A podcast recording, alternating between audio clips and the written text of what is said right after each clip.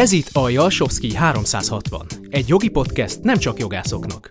A Jalsowski szakembereivel és meghívott vendégeinkkel üzleti témákat helyezünk jogi megvilágításba. Elemzünk és beszélgetünk.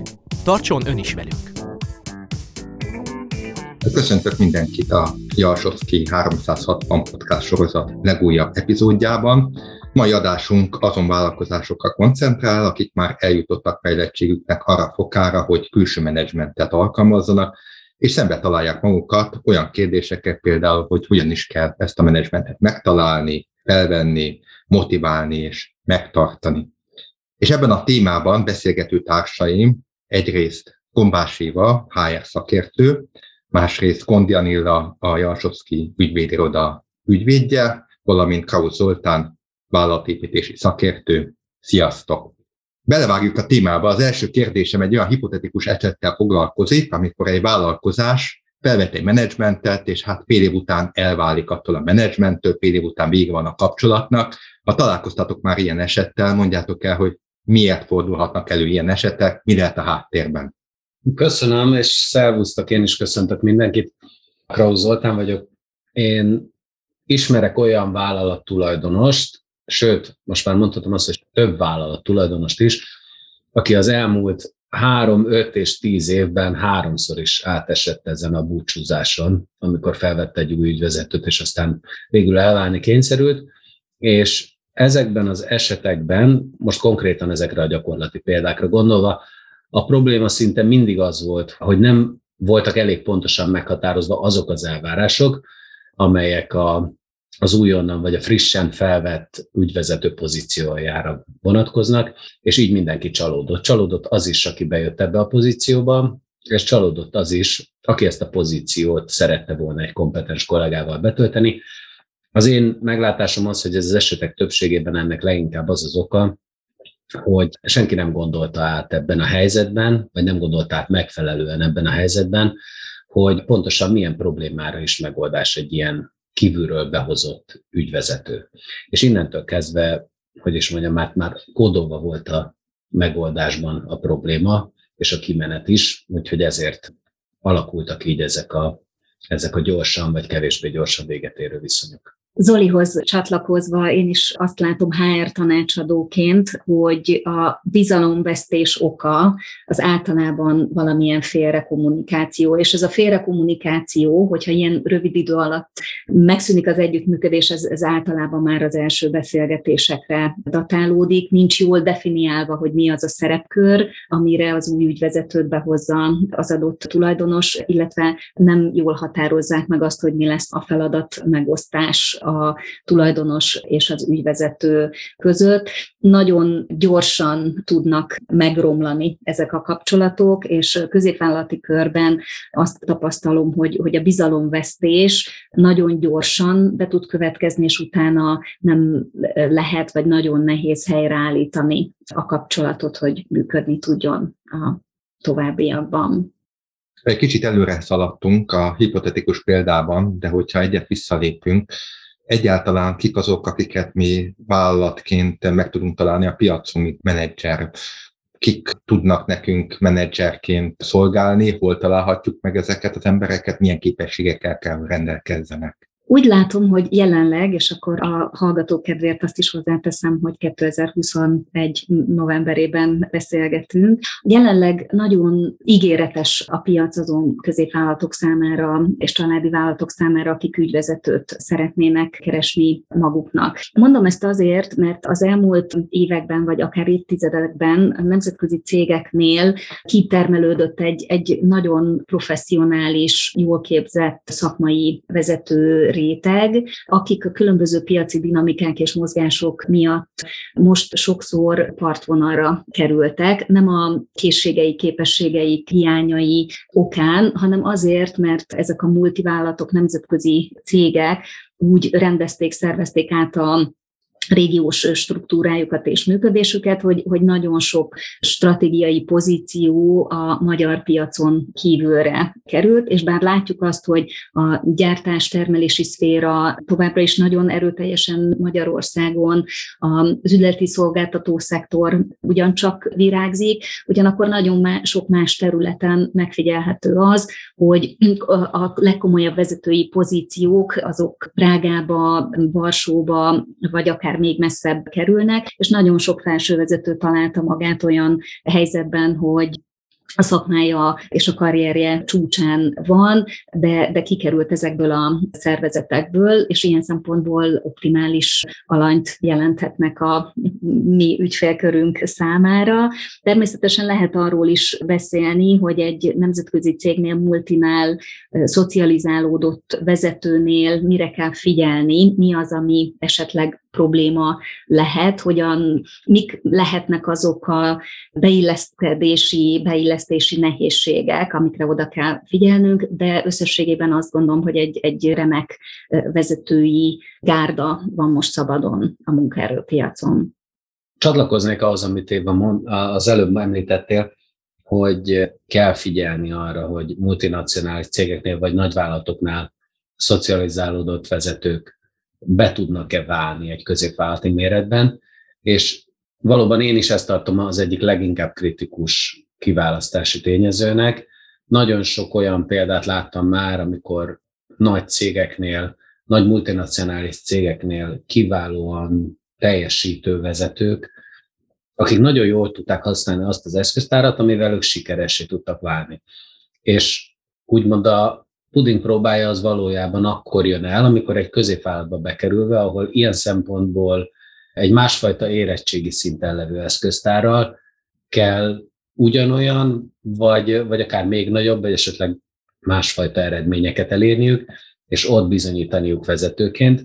Ez egy olyan karakter kíván meg, aki egy ilyen környezethez jól tud alkalmazkodni, és akkor valóban sikeres ügyvezetője lehet egy középvállalatnak is. Ha ezt a gondolatmenetet lehet akkor még tovább vinni, és arról beszélgetünk, hogy mi a különbség egy középvállalat és egy nemzetközi vállalat között, akkor két főpontot emelnék ki. Az egyik, hogy ezek a cégek milyen életciklusban vannak. A nemzetközi cégek, multinacionális cégek 40-50, sokszor 100, akár több mint 100 éves múltra tekintenek vissza, és természetesen egy teljesen más fejlődési fázisban vannak, mint azok a magyar vállalatok, amelyek akár 20 éve, vagy éppen 10-15 éve alakultak meg. Zoli, ahogy említetted, ezeknél a nagyvállalatoknál kialakult struktúrák vannak, működő rendszerek vannak, és, és valóban, akik ilyen közegből jönnek, nagyon sokszor csalódnak, amikor ráeszmélnek arra, hogy, hogy ez a infrastruktúra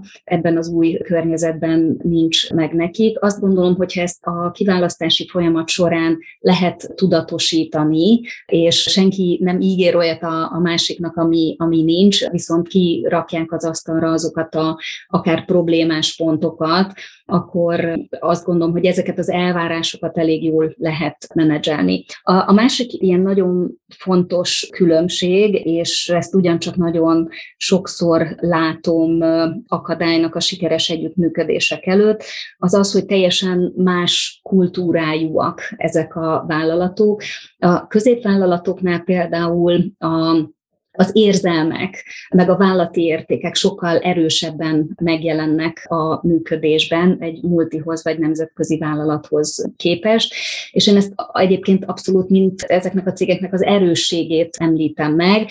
Nagyon sokszor használják azt a hasonlatot, hogy, hogy a tulajdonosoknak ezek a cégük a gyerekeik, az ember szereti a gyerekét, tehát itt, itt rögtön megjelenik ez az érzelmi faktor, illetve az alapítónak az értékrendje sokkal erőteljesebben áthatja ezeknek a vállalatoknak a működését, mint ahogy ez egy nemzetközi cég napi életében megjelenik. És talán majd fogunk arról is beszélni, hogy, hogy mi alapján választjuk ki a jelölteket és az ügyvezetőket, de ezekhez az értékekhez való igazodás nagyon fontos része ugyancsak a kiválasztási folyamatnak. Ahhoz, hogy egy társaság megtalálja, egy középvállalkozás megtalálja megfelelő vezetőt, és megfelelően tudja motiválni, arra is szükség van, hogy értsük, hogy mit is keres a vezető? Mit is keres valaki, aki kijött egy multicégtől, aki mondjuk egy 40-45 éves, egy 15-20 évet lenyomott egy multicégnél, és most nyitott arra, hogy elhelyezkedjen egy középvállalathoz. Mik a fő motivációi egy multicégből kijött és menedzsmenti pozícióra vágyó 40-45 éves hölgynek vagy férfinak? Azt gondolom, hogy aki 40-45 évesen kijött egy nagy multicégtől, ahol valójában egy ilyen 500 fős, 1000 fős, vagy sokkal nagyobb konglomerátumnak a része volt, arra vágyik, hogy beleszóljon a társaság dolgai, vagy egy kicsit sajátjának érez, amit csinál, hogy tudjon alkotni, hogy legyen arra módja, hogy az ötleteit, iránymutatásait figyelembe vegyék, és ez tényleg befolyásoló tényezőként hasson a vállalkozás vállalat működésére. És itt jön képbe alapvetően a javadalmazási módszer is, amit kiválasztunk, amit ennek a vezetőnek, menedzsernek tudunk ajánlani. Hiszen úgy tudja igazából sajátjának érezni a céget, hogyha valamilyen részesedést kap ebbe a vállalkozásba, és ezt a részesedésen keresztül nyilván már tagként szerepel benne, és konkrét, közvetlen kiadással van a munkája a vállalkozás működésére, és így a javadalomra is, amit majd ezért cserébe kapni tud. Tökéletesen egyetértek ezzel, pont amiatt is, amit korábban említettem, azáltal, hogy, hogy a nemzetközi cégek sokszor a, a stratégiai pozíciókat és döntési jogköröket kiviszik az országból, a magyar piacon akár ügyvezetői pozícióban is inkább végrehajtó szerepkörök maradtak. Tehát az a fajta alkotási, építkezési, kibontakozási lehetőség, ami, amivel az általad említett szituációkban adódik, az sokszor nincs már meg ebben a körben, és ezek a vezetők, Pali, ahogy, ahogy kérdezted, hogy mit szeretnének építeni, szeretnének, alkotni szeretnének, hatással lenni a piacra, és megmutatni magukat ehhez. Ezek nagyon jó lehetőséget tudnak kínálni ezek a vállalatok. Ez egy nagyon jó kérdés, hogy mire vágyik az ügyvezető.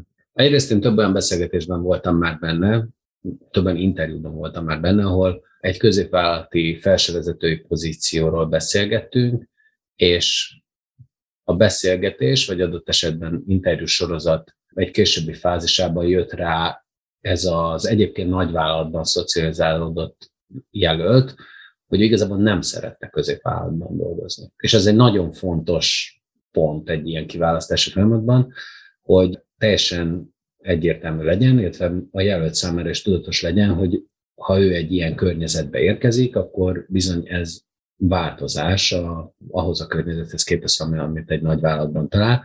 A másik pedig az, hogy, és nagyon sokat szoktunk dolgozni középvállalati tulajdonosokkal azon, hogy ők pontosan el tudják mondani, hogy az ő cég merre tart.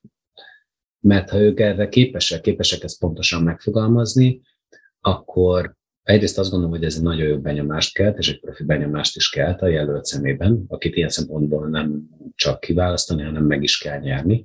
Másrészt pedig sokkal biztosabb lehet benne mindkét fél, hogy ugyanarra az útra, vagy ugyanarra a közös útra mondanak igent. És azt gondolom, hogy ez, ezért nagyon sokat tehet a középvállalat tulajdonosa is. Éva, van-e valami olyan trükk, amit itt tudunk ajánlani a cégeknek, hogy megtalálják ezt az embert? Van-e olyan varázskérdés, aminek el kell hangozni az interjú során, amire, hogyha tökéletes válasz megérkezik, akkor bingo, és megvan az emberünk? Van, van. varázs, varázs kérdés nincs, de varázs eszköz az, az, az van. Beszélgetni kell beszélgetni kell a jelöltekkel, mert ahogy korábban is említettem, a, az értékrend nagyon fontos. Tehát derítsük ki, hogy az adott jelölt értékrendje és a mi értékrendünk egyezik el. És hogyha ez megvan, ez egy nagyon jó alap tud lenni a hosszabb távú együttműködéshez, illetve a másik fontos dolog, és ez is csak a beszélgetésekből derül ki, hogy magában az üzletben mennyire tudunk együtt gondolkozni. Tehát ahogy a Zoli említette az előbb, hogy ugye, tulajdonosnak kell, hogy legyen víziója, stratégiája, hogyan építi az üzletet, hogyan tud ebbe a jelöltbe csatlakozni.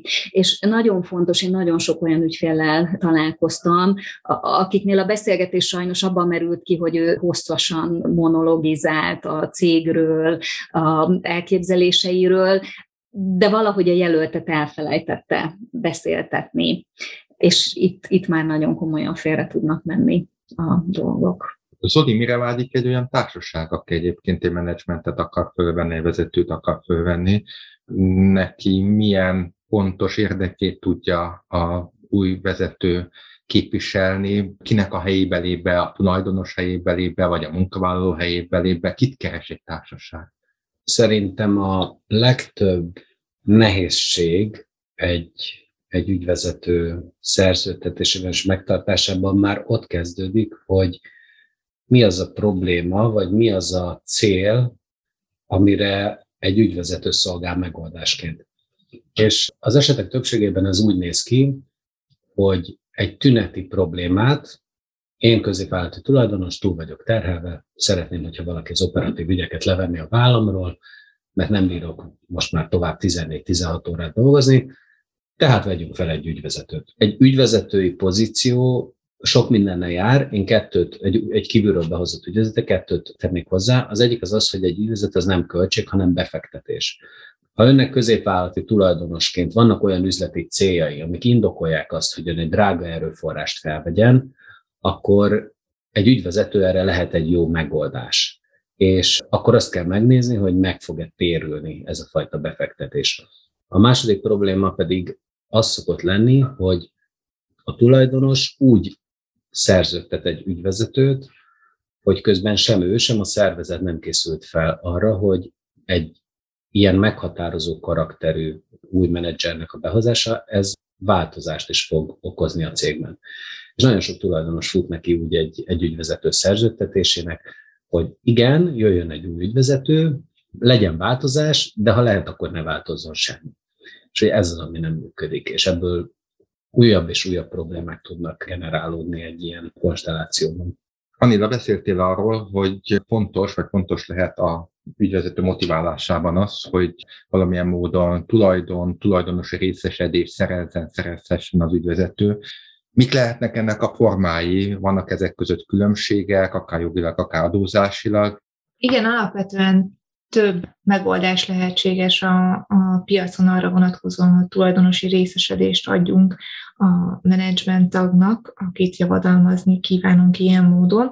Az egyik ilyen módszer az az, amikor klasszikusan az ERT tagjaként részvényt, vagy KFT tagjaként üzletrészt adunk ennek a munkavállalónak. Amit gyakran elfelejtenek ezeknél az egyszerűnek tűnő megoldásoknál, az az, hogy amikor ilyen részesedést biztosítunk egy munkavállalónak, akkor adóköteles jövedelem keletkezhet a munkavállaló oldalán, hiszen ez a részesedés gyakorlatilag egy jövedelemnek minősül, és a fizetett ellenért, mint a munkavállaló által fizetett ellenérték, és a kapott részesedés piaci értékének a különbözete egy adóköteles jövedelem lesz. És ráadásul ez a jövedelem, ez rendkívül rosszul munkabérként fog adózni.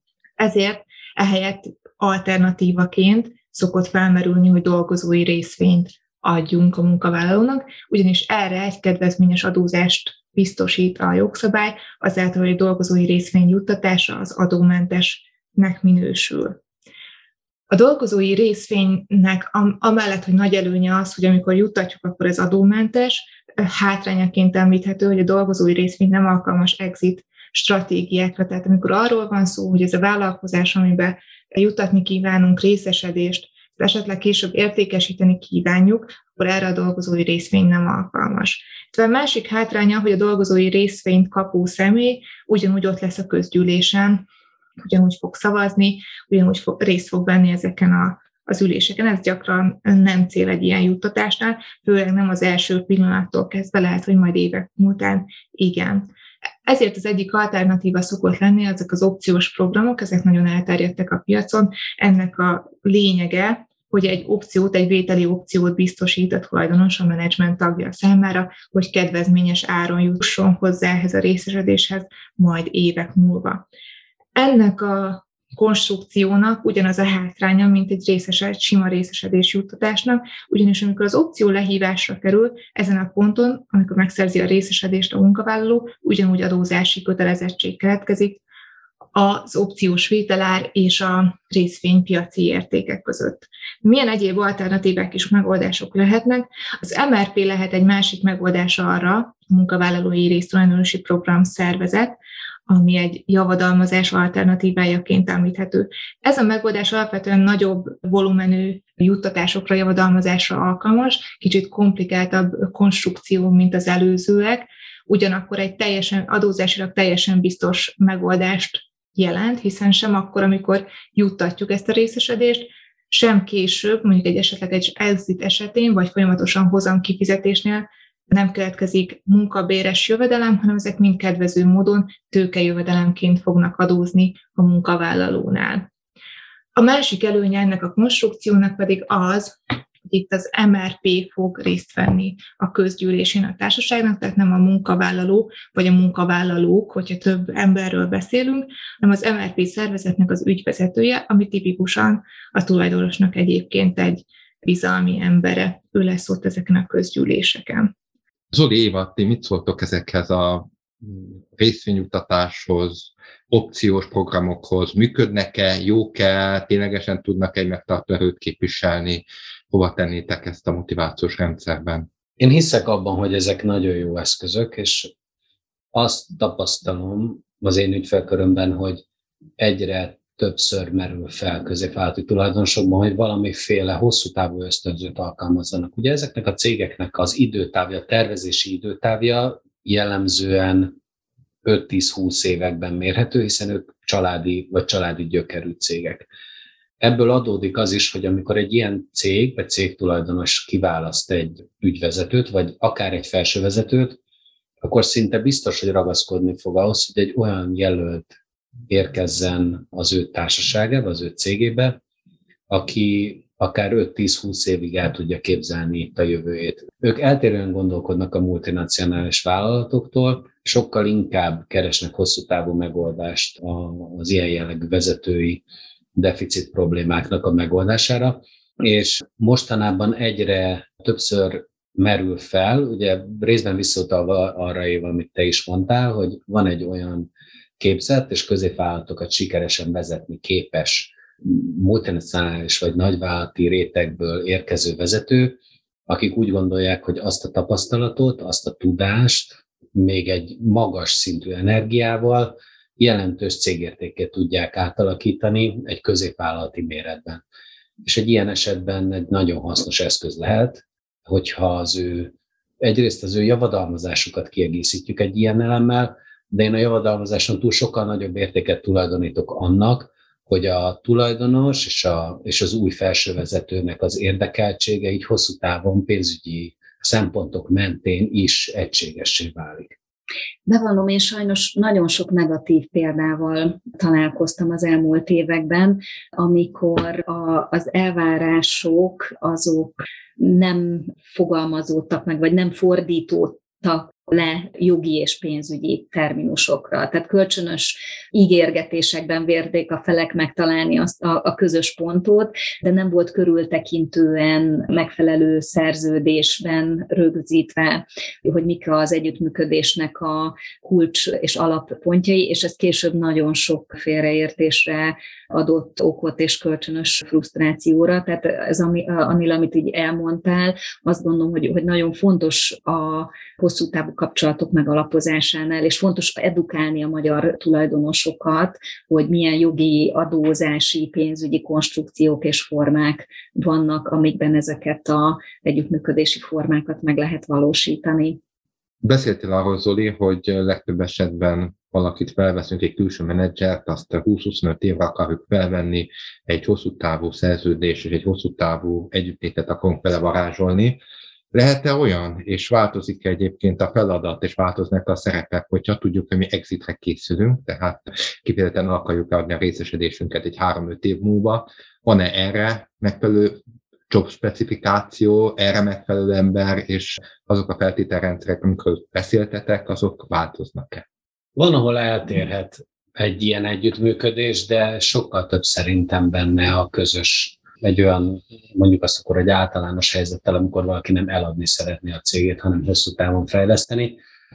Ugye ami eltér, az egyértelműen az időtáv, vagyis az időtávnak a jellege, hiszen ez egy határozott idejű együttműködés az aktuális tulajdonossal. Ugyanakkor én nagyon sok olyan helyzetet láttam már, ahol ahol a vezetés egy, egy cégértékesítés után is, az operatív vezetés a helyén maradt, lehet, hogy a tulajdonos változott, de az az ügyvezető, aki egy céget képes folyamatosan fejleszteni, a zárbevételét növelni, ő akkor is egy nagyon értékes eszköz, vagy egy értékes partner lesz a, a következő tulajdonos számára, hogyha ha történetesen ugye a tulajdoni jog az gazdát cserélt.